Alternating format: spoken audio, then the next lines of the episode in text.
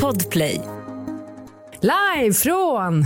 Det känns inte som att det här funkar riktigt när inte Messiah är här. Så jag kan inte dra det lika självklart som han kan. Ja, men du hade det ju där alltså. Du, nu kom du bara till live från, men eh, om du bara Ja. liksom fortsätter. Live från Studio 1.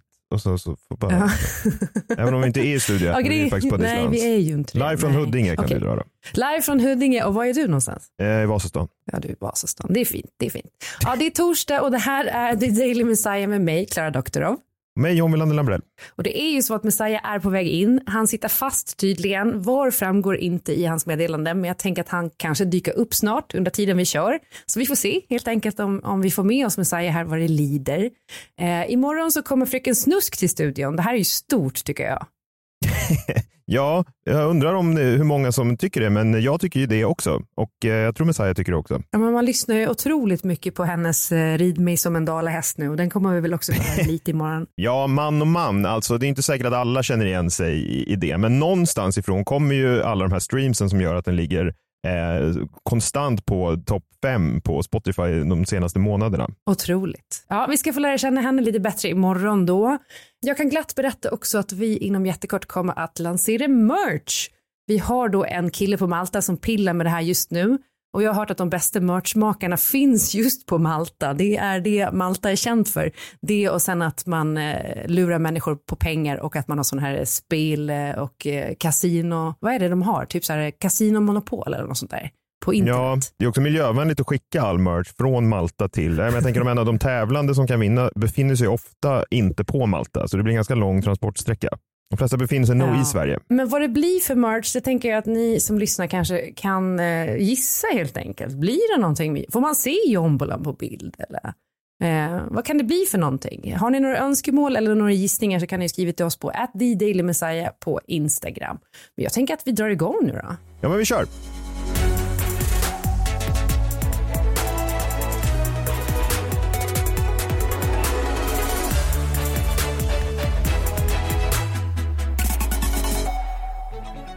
Vad har hänt i världen John? Men vi kan väl dra eh, några nyheter lite kort här. Elpriset höjs ju idag. Spotpriset, vilket jag inte vet vad det är, eh, har legat på 1,6 kronor per kilowattimme i hela landet innan. Men idag torsdag så kommer priset åter att stiga eh, och ja, det kommer landa på istället på 2,5 kronor per kilowattimme i hela landet och ja, vi går vidare. Jag vet inte vad något av det där Eller, men kan du inte bara förklara för mig då hur det drabbar dig?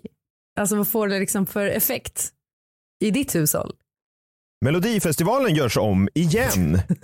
I vintras så bytte ju Andra chansen namn till semifinal, det minns vi ju alla, eller hur? Ja, men det var väl ändå typ samma sak, var det inte det? Ja, det verkade det, det var ju misstänkt likt eh, de tidigare åren, eh, men nu ska det göras om igen då. Eh, till nästa år kastar Melodifestivalens redaktion om upplägget i uppsamlingsrundan ännu en gång. Eh, alltså ett citat här då från Melodifestivalens nya projektledare Anders Wistbacka. Älskar Anders. Är det sant? Du har du jobbat med honom?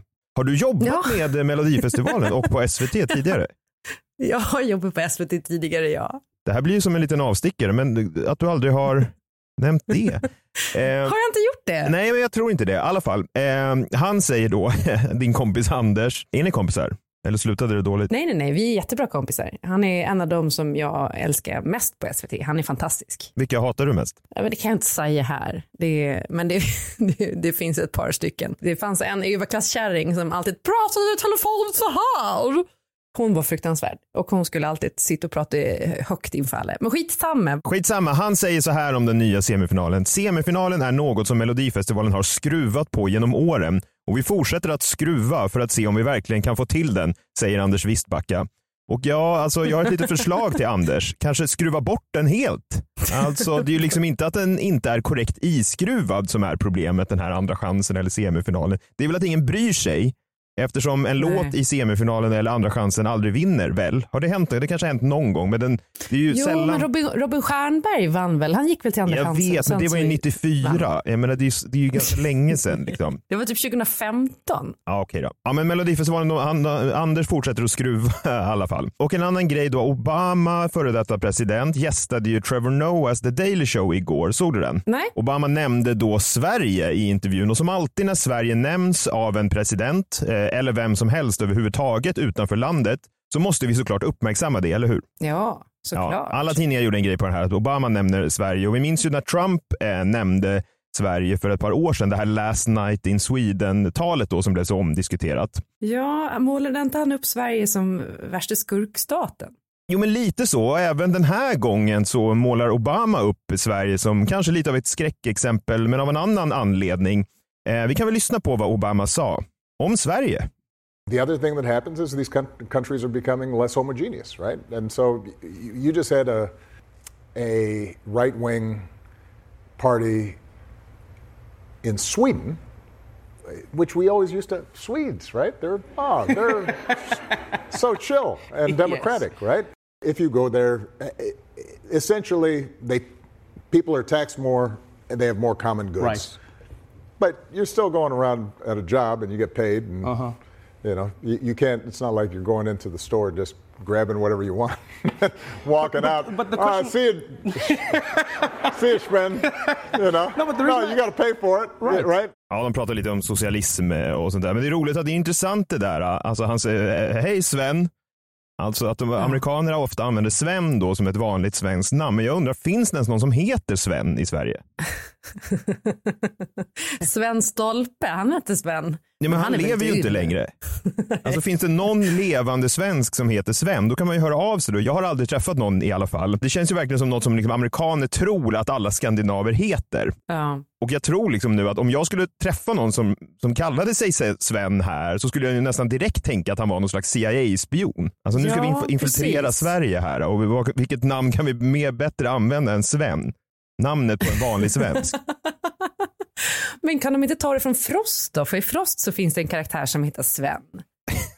okay. Alltså det, det, är det de kan om Norden är liksom eh, Disney-filmen Frost. Ja, och den är ju också amerikansk så att jag undrar liksom, var finns ja, alla Sven? Nej. Man får gärna höra av sig.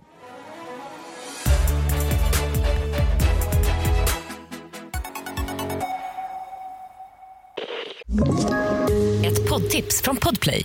I podden Något Kaiko garanterar östgötarna Brutti och jag, Davva, dig en stor dos skratt. Där följer jag pladask för köttätandet igen. Man är lite som en jävla vampyr. Man har fått lite blodsmak och då måste man ha mer. Udda spaningar, fängslande anekdoter och en och annan arg rant. Jag måste ha mitt kaffe på morgonen för annars är jag ingen trevlig människa. Då är du ingen trevlig människa, punkt. Något kajko, hör du på podplay. Därför är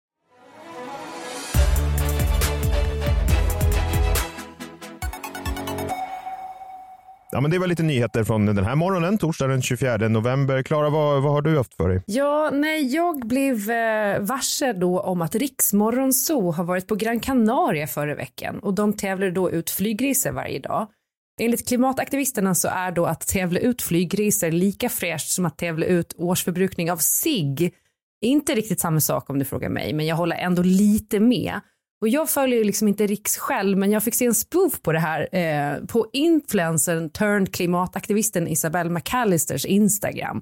Vi kan lyssna på lite hur det lät. Välkomna till Trix djurpark som idag inte alls är så riks utan istället international. Olé! Hej! Ja, för extra bra ljudkvalitet så siktar vi på en bra utsikt mot havet har ju faktiskt det här pikanta bakgrundsljudet av bränder eftersom torkan pågått så länge.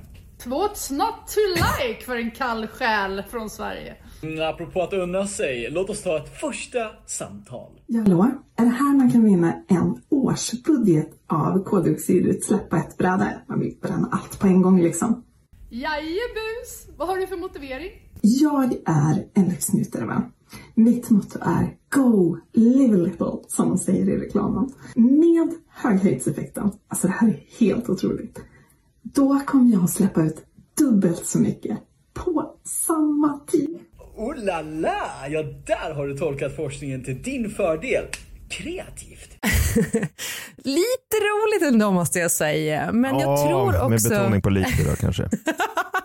jo men det här är alltså den andra humortaken jag har sett från de här klimataktivisterna. Eh, den första var eh, när de också gjorde en spoof på att en, en känd klädkedja firade 25 år och det var flera influencers som gick ut och liksom grattade dem i eh, sociala medier då. Eh, men jag tror faktiskt att det här, eh, de är på någonting nu. Det här kan vara det bästa sättet att faktiskt träffa människor med sitt budskap.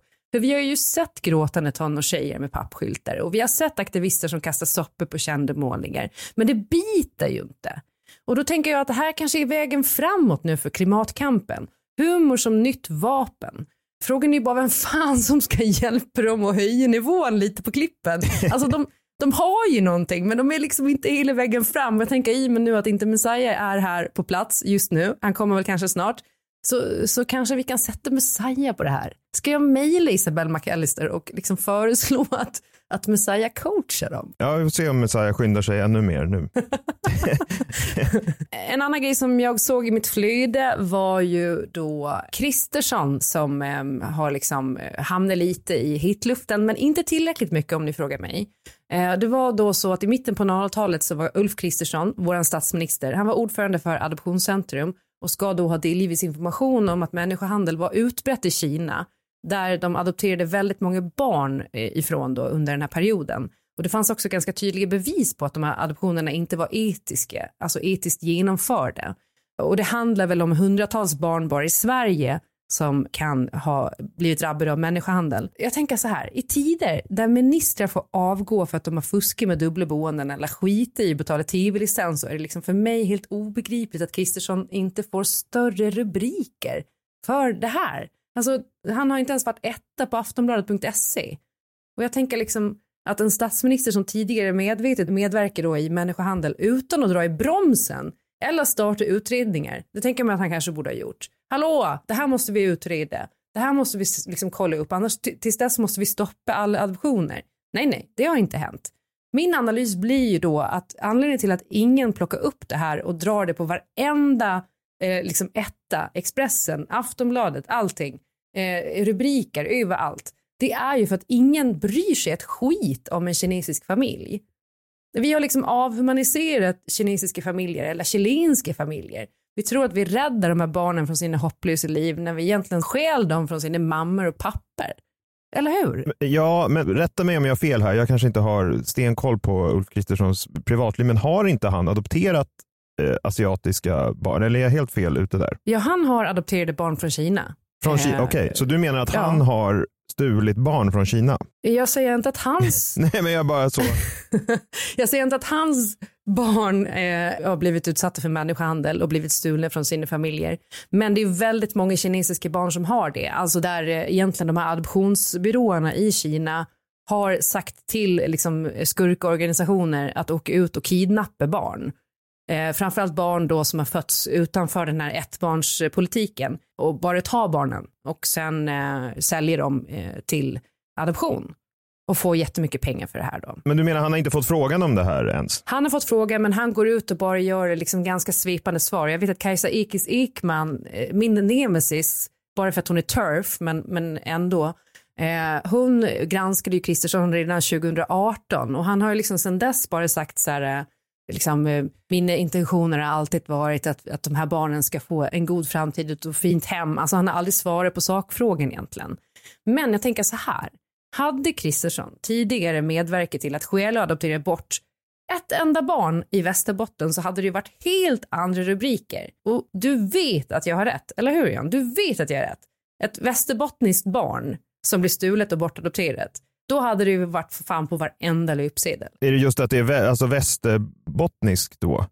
Eller bara, alltså, att... det, är bara, det är ett exempel bara, inte just att du vill... Nej, jag tänker bara att det är liksom ett, trevligt landskap. Det kan ju bli stel stämning i Helenius hörna om Kristersson får den här frågan. Eh, det är kanske är det man vill undvika då, att det kan vara svårt att, alltså, du, så stjäl du kinesiska barn? Ja, i och för sig. Men alltså, det stod ju ingenting om det i Tidöavtalet vad jag vet. Jag tycker att i USA hade det här ju blivit en fråga om typ impeachment, tror jag. Eh, och här är det som att ingen riktigt bryr sig. Jag kan inte säga något annat än att jag tror att det beror på rasism, helt enkelt. Vi bryr oss inte tillräckligt mycket om de här familjerna som har blivit av med sina barn. Och det är fruktansvärt. Rätta mig om jag är fel, Klara, men ibland kan jag få känslan av att du inte gillar Ulf Kristersson. Säg som du är, du vill att en kinesisk familj stjäl honom.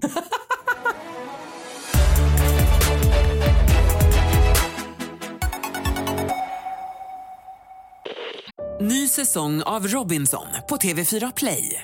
Hetta, storm, hunger. Det har hela tiden varit en kamp. Nu är det blod och tårar. Fan händer just nu? Det. är Detta är inte okej. Robinson 2024, nu fucking kör vi! Streama söndag på TV4 Play. Ett poddtips från Podplay. I fallen jag aldrig glömmer djupdyker Hasse Aro i arbetet bakom några av Sveriges mest uppseendeväckande brottsutredningar. Går vi in med hemlig telefonavlyssning och, och då upplever vi att vi får en total förändring av hans beteende. Vad är det som händer nu? Vem är det som läcker?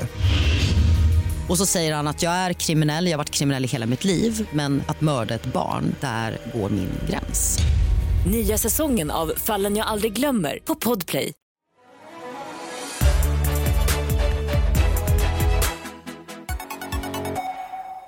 Jag har ju haft min mest otursförföljde vecka eh, någonsin. Det började ju i liksom början av veckan då när Kjell tappade bilnyckeln i snön och det slutade med att vi fick boka bärgning av bilen för han hade ju också slarvat bort extra nyckeln. Sen åkte barnen på magsjuka och igår så upptäckte jag att tre träd hade rasat över grannens bil från vår tomt. Och då är det tydligen vårt ansvar att ta hand om det här. Det är ju sånt som man inte tänker på när man skaffar hus, att om det kommer en snösmocka så kan träd ramla omkull och ha sönder annans egendom och hamna ute på den allmänna vägen. Liksom. Och efter det då, när jag skulle ta hand om det här så fick jag ryggskott. Så nu sitter jag liksom med ett, ett maffigt litet ryggskott. Det har varit väldigt mycket otur och ännu är det liksom bara torsdag. Och då slog det mig att jag kanske bär skulden själv över det här. Alltså typ att jag har dragit på mig en förbannelse. Jag hatar ju när det händer. Har du haft en förbannelse någon gång? Mm, jag känner lite nu att idag. har du haft förbannelse förut då menar du? Ja, men jag tror jag kan ha haft eh, liksom små, små puster av förbannelser lite då och då. Men det här kan faktiskt vara min första riktiga förbannelse. Hör på det här. Jag åkte ju till eh, London och var tvungen att gå på British Museum för där hade de en eh, Moai, alltså de här statyerna eh, från eh, påskön. Eh, stenstatyerna, stora liksom torsos ansikten, kroppar. Eh, där har de en särskild då som heter Hoa Hakanananai. Ja. det är så svårt att säga det här. Hoa Hakanananai. Nej, vad fan. Vad är det som pågår? Jag försöker säga hans namn. Hoa Hakanananai. Nej. Är det ett av de stulna kinesiska barnen? Nej, det där är rasistiskt. Okej. Okay. Hoa Hakanananaya. Aj, fan, jag kan inte säga det. Skitsamma. Det betyder alltså den stulne vännen och det är ursprungsbefolkningen då på påsken som har döpt den till det efter att de brittiska upptäcktsresande stal den 1866. Och eh, ursprungsbefolkningen vill att British Museum ska ta emot en replika och sen återlämna originalstatyn. Men när jag står där och tittar på Hoa ja, vad fan? jag kan inte säga. Skitsamma. När jag står där så dras liksom handen till honom. Du vet som i Jumanji när spelet kallar på spelarna. Man hör liksom trummor och stenstatyn är magnetisk och jag räcker ut handen och tar på den. Men istället för att känna mig ett med kulturen då som har gått förlorad på påskyn så känner jag bara kall lavasten under handen. Det är liksom ett eko av mörker. Och redan då så slås jag när jag ser då skylten att man inte får ta på Hoa Kalla det Sven bara. Sven kan den heta. Han får heta Hoa nu. Okej. Okay. När jag ser skylten att man inte får ta på Hoa, att jag kanske har åkt på en förbannelse. Men jag tänker inte mer på det. Sen kommer jag hem och all den här skiten händer som jag berättade om då med liksom fallna träd och, och tappade bilnycklar. Och jag går liksom djupare i min research av påsken. Och då sägs det alltså ligga en stor förbannelse över ön som förs vidare till den som skäl från platsen. Man får inte ta på statyerna på påsken heller och om de faller omkull så får man inte resa dem och man får absolut inte flytta dem från ön. Och vissa hävdar då att de här statyerna uppkom för att övervaka befolkningen, för de är vända inåt mot ön. Det tror man ju inte. Alltså mot sin egen befolkning. Och det finns liksom ingen nedskriven historia heller, för de använder tydligen inte text och papper och sånt där, vilket gör det lite läskigare. Så nu undrar jag, kan det vara så att när jag tog på Hoa Hakananaya, Hoa Hakananaya, det är jättesvårt att säga det här. Har jag blivit drabbad av Hoa Hakananayas förbannelse? Jag tror jag fick till det. Vi ska se till att du får, får stöd sen.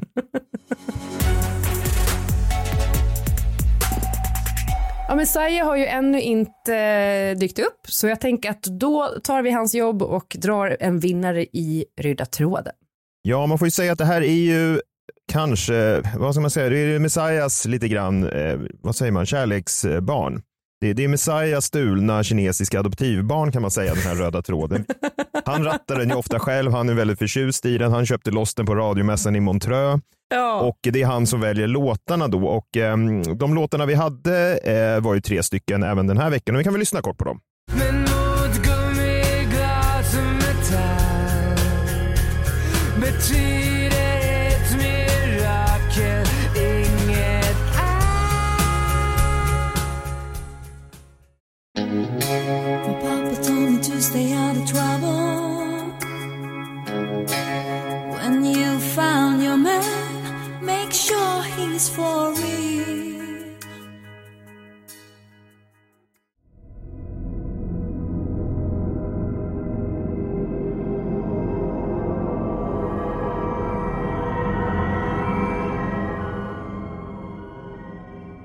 Den första var Kents eh, låt 747. Eh, det är alltid en Kent-låt med, det är ändå intressant. Eh, den Ja. andra var Roxettes Crash Boom Bang och den tredje var ju vignetten till tv-serien Lost. Mm, otroligt. Och den röda tråden var då alltså, Klara, Flygkrasch. Flygkrasch. Precis. Ja. Det var rätt eh, svårt tyckte jag ändå. Mm. Många kunde den, bland annat så kunde Josefin Nordgren rätt svar och eh, hon är veckans vinnare av röda tråden. Inget är ju rödare än röda tråden. Det kommer merch eh, skickat till dig från Malta så det kanske tar några månader innan det är framme. Eh, snälla anmäl oss inte till humor, vad hette den där humorgruppen? Jag vet inte vad de heter men det är, ett, det är ett gäng klimataktivister i alla fall. De är jättebra, man kan faktiskt följa dem. Vi vill inte bli karaktär i någon klimataktivist-sketch så Josefin Nordgren, du får det snart på eh, posten. Grattis! Jag tror ändå att det är lite annorlunda att tävla ut kylskåpsmagneter än att tävla ut flygresor till andra sidan jordklotet. Jo men så är det. Så är det. Så jag tror vi är safe ändå. Men grattis Josefin! Kul. Eh, och eh, Klara, vet du vad? Nej. Nu kan jag inte hålla mig längre. Krimmorgon. Varje vecka så tar du ett känt fall och nystar i det och vi får hänga med. Ja, och jag ska väl börja med att säga att jag har varit jävligt kluven kring det här. Jävligt kluven. Du vet känslan kluven? De, som de träden som jag klöv igår med min motorsåg. Precis så som de träden känner jag mig. Det vill säga, jag vill prata om det här fallet. Men samtidigt så vill jag inte frångå konceptet vi har i krimmorgon. Förstår du vad jag menar? För det här blir något helt nytt nu. Jaha. Och jag gillar ju liksom inte att ändra på koncept för mycket. Inte i krimmorgon i alla fall. I andra fall kan det behövas fräschas upp med nya jinglar och så. Eh, Men inte i krimmorgons fall. Skulle du säga att du skruvar lite på det som andra chansen eller liksom? Precis, jag, jag, jag gör som, vad fan hette han, Anders Wistbacka, ny, Melodifestivalens nya projektledare och skruvar, likt han skruvar på semifinalen så skruvar jag på krimmorgon. Eh, Eftersom att det här verkligen är någonting utöver det vanliga så väljer jag att frångå konceptet denna vecka. För vi ska nämligen prata om studentmorden i Idaho. Har du hört talas om det här Klara? jag har faktiskt inte det. Och det som är den stora skillnaden mot andra krimmorgon är att det här skedde förra veckan. Oj, alltså det är så färskt. Ja, men det är så färskt och av olika anledningar så är jag inte så, så förtjust i att prata om nya fall. Dels för att det är liksom, det, det, jag vet inte riktigt. Jag, de gamla fallen är mer, där vet vi vilken, vilken fakta som finns. Eh, Det blir inte heller lika, jag menar det här är ju nu i konstant utveckling så bara när man hör det här kanske ett dygn senare så kan någonting ha hänt. Så av olika anledningar så tycker jag att det är lite problematiskt att prata om nya fall. Men jag gör ett undantag. Det är kanske där Anders Wistbacka också har lösningen till semifinalen i Melodifestivalen. Att han bara plockar någon på plats i publiken som får komma upp och sjunga. Alltså så färskt. Eller komma upp och göra reglerna kanske. Alltså bara göra Det är om. väl kanske det som behövs. Ja, det kan inte bli mycket konstigare i alla fall. Vi ska prata om studentmorden i Idaho. Det här var alltså då förra veckan. Fyra universitetsstudenter i ett hus eh, nära skolområdet i den lilla staden Moscow i Idaho hittades mördade i sitt hem. Och allt började då förra söndagen då en polispatrull larmades till bostaden där fem kvinnliga studenter var rumskamrater. De hade fått samtal om en medvetslös person, men de här scenerna som då mötte polisen var någonting helt annat. För under genomsökningen av de här rummen i villan så hittade polisen fyra personer, tre kvinnor och en man knivhuggna till döds. Oj. Ett väldigt ovanligt brott. Mordvapnet då, som fortfarande inte upphittats vad jag vet är sannolikt en stor kniv eh, enligt rättsläkaren. Alla offer var huggna ett flertalet gånger och enligt polisen så var det blodstänk på väggarna i rummen. Eh, De här offren hittades också döda på två olika våningar i huset. Polisen har liksom varit sparsmakad med detaljer. Man har sagt att eh, offren troligtvis överraskades i sina sängar. Det såg ut så på brottsplatsen.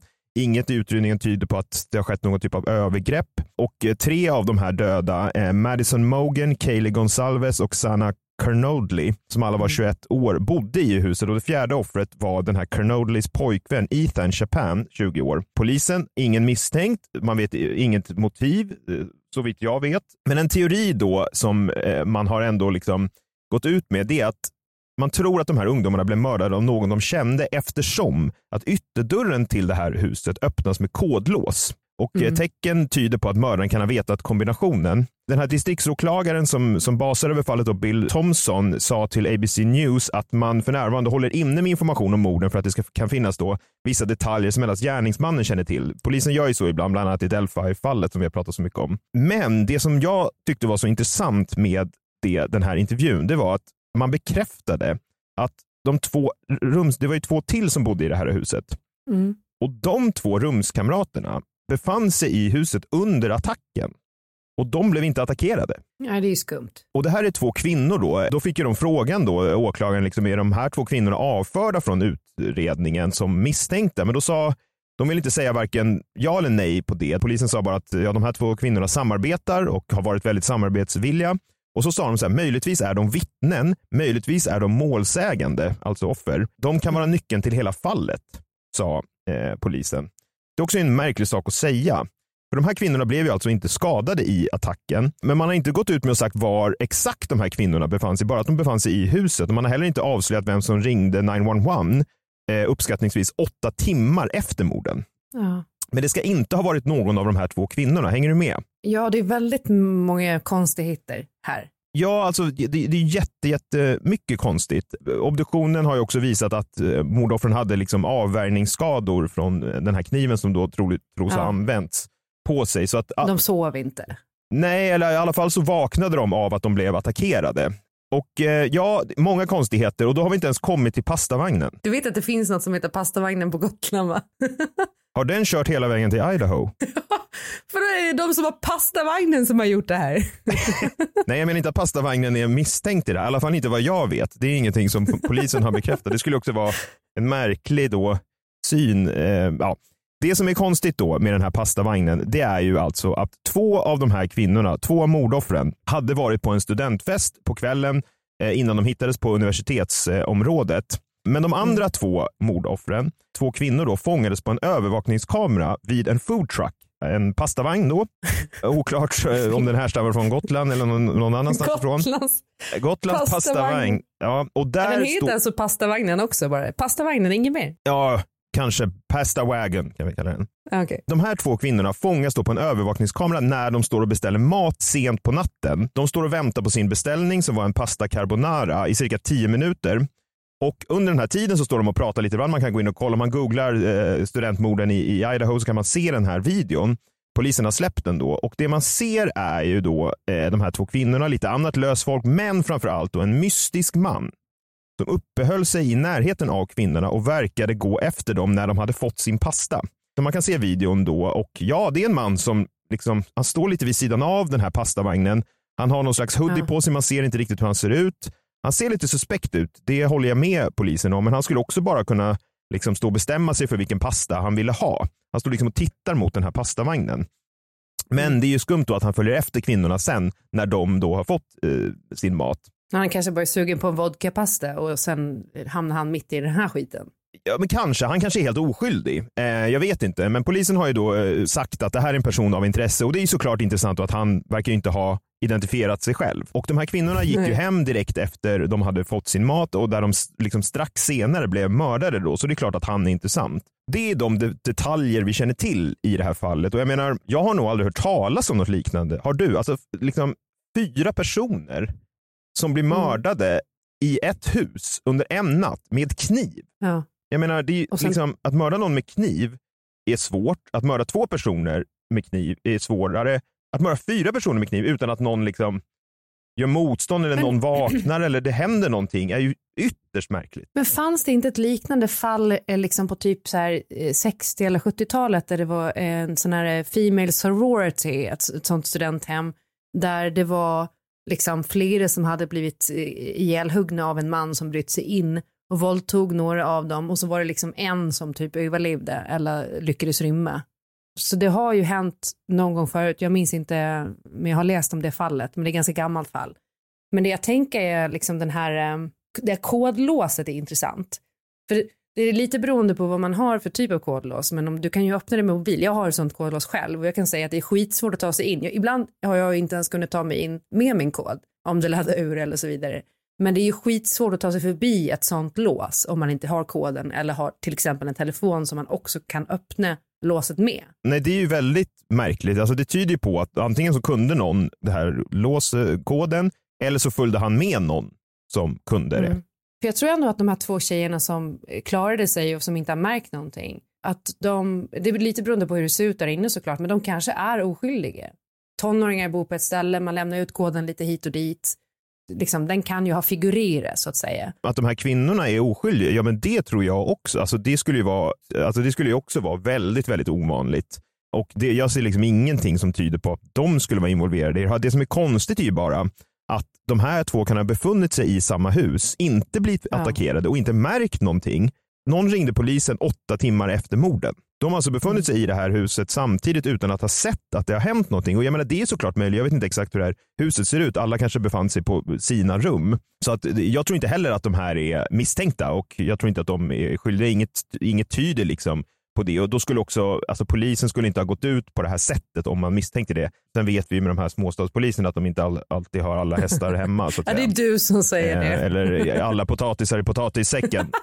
Som de är i Idaho. Men God potatis där, det har de fan. det är som också den här lilla staden då, Moskva, den har inte haft ett mord sedan 2015. Jag menar, allt med det här eh, mordet skriker ju liksom att gärningsmannen borde vara helt uppenbar. Det vill säga att man direkt ska inse att ja, det här är den här personen som har gjort det. Men det är han inte. Varför inte? Väldigt märkligt är det. Och jag menar, jag kan säga så här, jag känner igen mönstret va? Jag känner igen mönstret att det här är frågor som inte kommer att släppa mig. Nej, okej, nej, du är down the rabbit hole nu. Det är redan för sent, jag är down the rabbit hole, jag kommer inte kunna släppa det här, så vi kommer att fortsätta följa det här fallet. Ja. Men jag har en förhoppning, att det inte kvalar in som ett gammalt olöst fall som vi oftast pratar om i krimmorgon. Det vill jag inte att det ska bli. Jag vill att de här offren Nej. ska få upprättelse så snabbt som möjligt. Och du kanske kan vara med och hjälpa till att lösa det. Är det det som är din dröm eller? Men de vill aldrig ha min hjälp. Det är aldrig någon som, de har inte ens svarat. Någon av de här Ja. Men du vet hur det Vadå är. Det är bara politik det där. Jag undrar också hur länge du höll din flickvän Johanna vaken med det här fallet i natt. Ja, och nu har jag hållit lyssnarna vakna också. Förhoppningsvis är ingen har somnat. Trots att vi inte hade Messiah med oss hoppas jag att ni har lyssnat. Det var trevligt. Jag vet inte var han är riktigt. Hoppas han mår bra. Det tror Nej, jag. han kom inte. Nej, Ja. men jag tror han mår bra. Eh, Men det jag vet är, Imorgon kommer han ju komma för då kommer ju fröken Snusk och det, det kan han ju inte hålla sig bort ifrån. det har han ju sagt då liksom, eh, ja, utanför inspelning hela veckan hur mycket han ser fram emot att äntligen få intervjua Fröken Snusk. Så det tror jag inte han skulle missa för hela världen. Nej. Men då är vi tillbaka imorgon då och så kommer Fröken Snusk och vi kommer också premiärspela, alltså typ världspremiärspela Fröken Snusks nya jullåt. Vad härligt inför första advent och allting.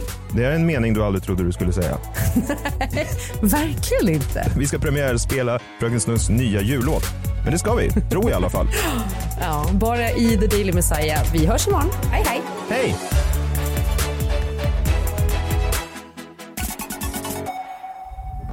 Podplay, en del av Power Media.